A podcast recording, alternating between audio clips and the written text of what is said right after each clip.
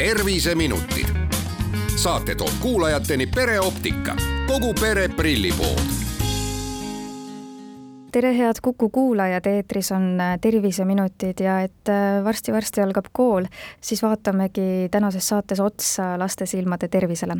mina olen Ingela Virkus ja koos minuga on stuudios pereoptika juhatuse esimees Jaan Põrk. tere! pereoptika optometrist Laura Tõnav. tere! ning Essilori prilliklaaside tootespetsialist Margo Tinno. tere! Milline on siis äh, meie Eesti laste silmade tervis? üldiselt äh, mitte väga hull, mõeldes seda, et lapsed veedavad äh, väga vähe aega väljas ja pigem rohkem aega sellist nii-öelda lähitööd tehes. aga millised on need levinumad silmadega seotud probleemid, millega siis näiteks teie juurde on jõutud? mitte küll meie juurde, aga ähm, laste silmadel võivad tekkida sellised või nii-öelda võivad olla sellised sünnipärased defektid äh,. näiteks retinoblastoom, mis on selline halvaloomuline silmapõhja kasvaja äh,, ka katarakt ja ka strabism, mis on siis kõõritamine äh,. kõigi nende haiguste puhul võib tekkida selline asi nagu amblüoopia, mis on siis laisk silm ehk siis ka prilliga ei suuda saavutada sellist nii-öelda head nägemisteravust seal silmas ja lapseeas esineb ka hästi palju sellist, äh, selliseid silmalaugude haigusi, ehk siis näiteks äh, rahetera, halaasion, mis on rasunäärmete ummistus, või siis hordeoolum, mis on silmalaugude rasunäärmete põletik. mis neid äh, põhjustavad, et näiteks laisk silm, et millest see tuleb peamiselt äh,? ongi sellised nii-öelda nägemist häirivad tegurid, selline teisel-kolmandal elukuul millal siis tegelikult see nägemine areneb kõige kiiremini. kui levinud äh, sellised probleemid on? Äh, õnneks mitte väga levinud, et amblüoopiat esineb kuskil selline erinevate uuringute kohaselt null koma kahel kuni kuuel protsendil rahvastikust kas on ka mingid sellised äh, sümptomid, mida vanemad võiksid siis tähele panna, et kui nad näevad neid sümptomeid, siis võivad kahtlustada, et midagi võib lapse nägemisega korrast ära olla? Üks asi on kindlasti selline konstantne kõõritamine, et et äh, silmalihased peaksid olema välja arenenud selline kolmandaks eluaastaks, kui peale kolmandat eluaastat äh, laps veel kõõritab, siis kindlasti tuleks pöörduda sellega äh, silmaarsti poole. ka võiks jälgida näiteks seda, et kui laps tahab panna ühte silma kinni, kui ta mingit tegevust teeb, või kui välguga lapsest pilti teha ja need nii-öelda tagasi peegeldunud valgus on silmapõhjades erinevat värvi et siis kindlasti tuleks pöörduda silmaarsti juurde. ma tahtsingi just täpsustada ja küsida, et äh, millal tuleb siis lapsega minna silmaarsti juurde ja millal optometristi juurde? Äh, esimene nägemiskontroll lapsel peab kindlasti olema silmaarsti juures, see on kolmandal eluaastal. ja optometristi juurde võiks milliste muredega tulla? Äh, optometristi juurde võib pöörduda siis, kui näiteks lapsel juba on prillid olemas ja oleks vaja järgmist nii-öelda prilli noh, tegelikult ju silmaarst, kui ta on selle retsepti eh, välja kirjutanud, siis ta tegelikult suunabki juba meie juurde, et eh, meie hoolitseme siis selle eest, et, et saaksime sellele retseptile võimalikult hästi prilli teha, just nimelt see, kuidas see prilliraam sinna lapsele ette istub, sellepärast et siin, kui täiskasvanud inimene oskab seda väga hästi väljendada ja tunnetab, kuidas prilliraam talle näos ja et ta kuskilt ei pigista, siis lapse juures me peame seda ise jälgima ja aru saama, et, et see oleks talle paras ja ei kukuks liiga kergesti eest ära Laura, sa mainisid laiska silma nii-öelda, et see on üks selline levinum probleem lastel, kas seda on võimalik siis välja ravida ja saab sellest lahti? just, aga sellega peab tegelema nii vara, kui on võimalik. et siis sellised äh, efektiivsed amblüoopia ravid äh, kestavad kuskil sinna kaheksanda eluaastani. kuidas seda ravitakse? Äh, enamasti kasutatakse sellist asja, nagu inglise keeles on patching, ehk siis see silm, mis näeb paremini, see kaetakse mingiks hetkeks siis kinni päeva jooksul. ja teine silm siis peab tegema natuke rohkem tööd ja sellega siis parandataksegi selle halvema nägema silma nägemisteravust. ehk äh, tähendab see seda tegelikult, äh, et äh, nägemiskeskust õpetatakse vaatama ehk objekte ära tundma ja tegema seda tööd, mida nad peavad tegema, aga kui üks silm näeb hästi ja teine silm ei näe ja kui see mittenägev silm segab tegelikult kogu seda äh, koostööd silmade vahel, siis äh, aju on juba niimoodi ehitatud, et ta võtab selle äh, parema nägeva silma nagu juht, juhtpositsioon on seal ja see, mis segab, see isoleeritakse.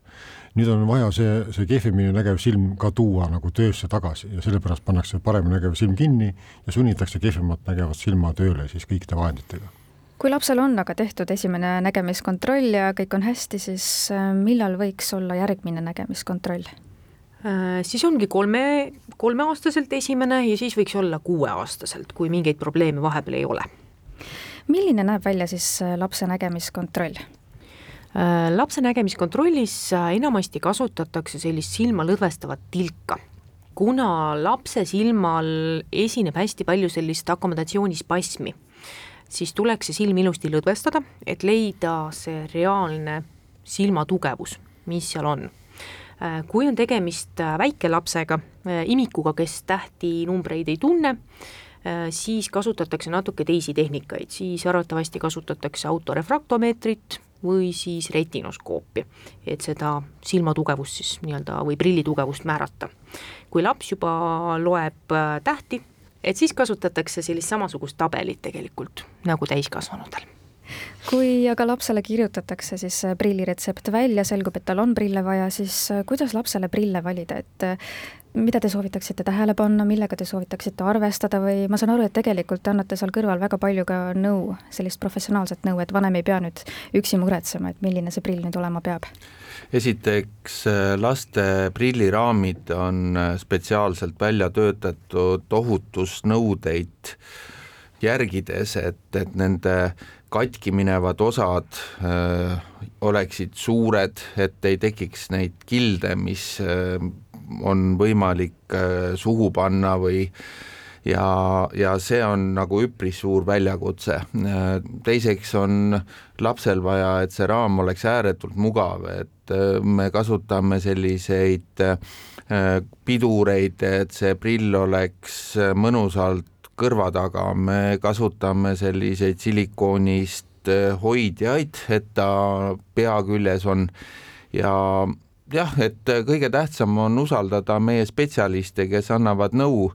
Ja nemad teavad, eh, missugune on kõige kvaliteetsem toode ja, ja millega siis saab eh, võib-olla kokku hoida, et kõik tuleb ilusti oma soovid ja olukorrad ära selgitada, siis meie oskame lahendusi leida. et kui lapsel on näiteks mingid huviringid, siis tuleb nendest kindlasti teada anda? absoluutselt.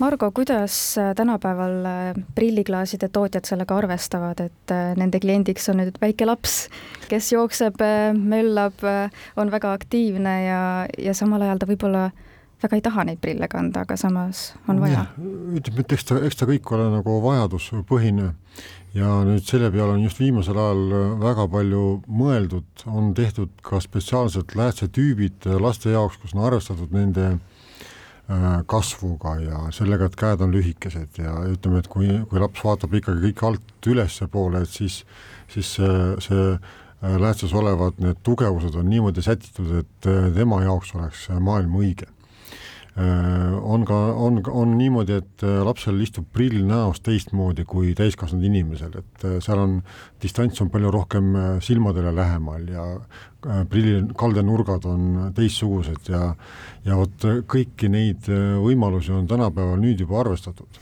Ehk kui me kümme aastat või viis aastat tagasi veel tegime lasteprillid samade läätsedega, mis täiskasvanutele, siis praegu me juba äh, toodame siin Essiloriga igasuguste nende eh, noh, uuringutele vastavaid neid läätsesid ja need aitavad lapsi ikka väga palju paremini. jah, ja seal on nagu oluline just see, et et need eh, prilliläätsed ja prilliraamid peavad soodustama seda, et laps kasutab neid võimalikult eh, efektiivselt, et tal on nendega mugav, et ta ei tunne neid ees ja tal on kogu aeg ees, et ta ei vaataks kuskilt valest kohast, et prill istub ikkagi silmade ees ilusti, ei vaju ära, ei ole vaja sinna mingeid paraseid liigutusi juurde, eks ole, ja ta saaks nägemisefekti võimalikult hea, et tema nägemiskeskus areneks võimalikult hästi.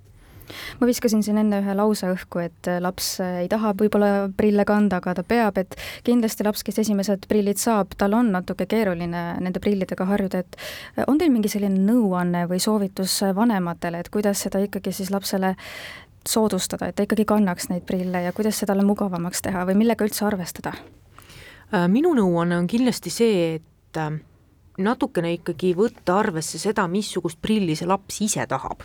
sest et enamasti on ikkagi niimoodi, et kui lapsele see prill ei meeldi, mis välja valiti, siis ta seda kanda ei taha ka aga samas jälle lapse harjumused äh, ja kohanemisvõime on hästi suur, et äh, et kui me ikkagi oleme järjekindlad oma tegevuses, siis, äh, siis see toimib igal juhul. ja ma võin, julgen öelda, et, et kui me õigel ajal sekkume nende abivahenditega, siis täiskasvanuks või juba kooli jõudes, siis sellel lapsel enam ei olegi prille vaja ja kui suur on selle kasutegur, nii et et tasub pingutada samas äh, selge on see, et äh, kvaliteetsed ja korralikud prillid on ikkagi väljaminek, eriti nüüd, kui septembri eel äh, läheb võib-olla peres mitu last kooli ja võib-olla lisaks kooliasjadele vajavad pere kõik lapsed prille. et kas teil on ka mõni selline soovitus, et kust annaks natukene võib-olla kokku hoida, midagi natukene näpistada? tegelikult on meil liisiga selline leping, et ilma lisakuludeta saab inimene kolme kuuga maksta selle summa ära ja sellega siis hajutada natukene seda väljaminekut, et äh, küllaltki hea võimalus. Äh, aga kvaliteedis võib-olla on ikkagi klaasi kvaliteet see kõige tähtsam, et, et sellisel juhul võib vaadata ka natukene odavama äh, hinnaga prilliraami, et, et sealt saab võib-olla mõnikümmend eurot kokku hoida aitäh teile saatesse tulemast ja nõu andmast, Laura Tõnov ja Jaan Põrk Pereoptikast ning äh, Margo Tinno Issilarist. aitäh! aitäh! terviseminutid. saate toob kuulajateni Pereoptika, kogu pere prillipood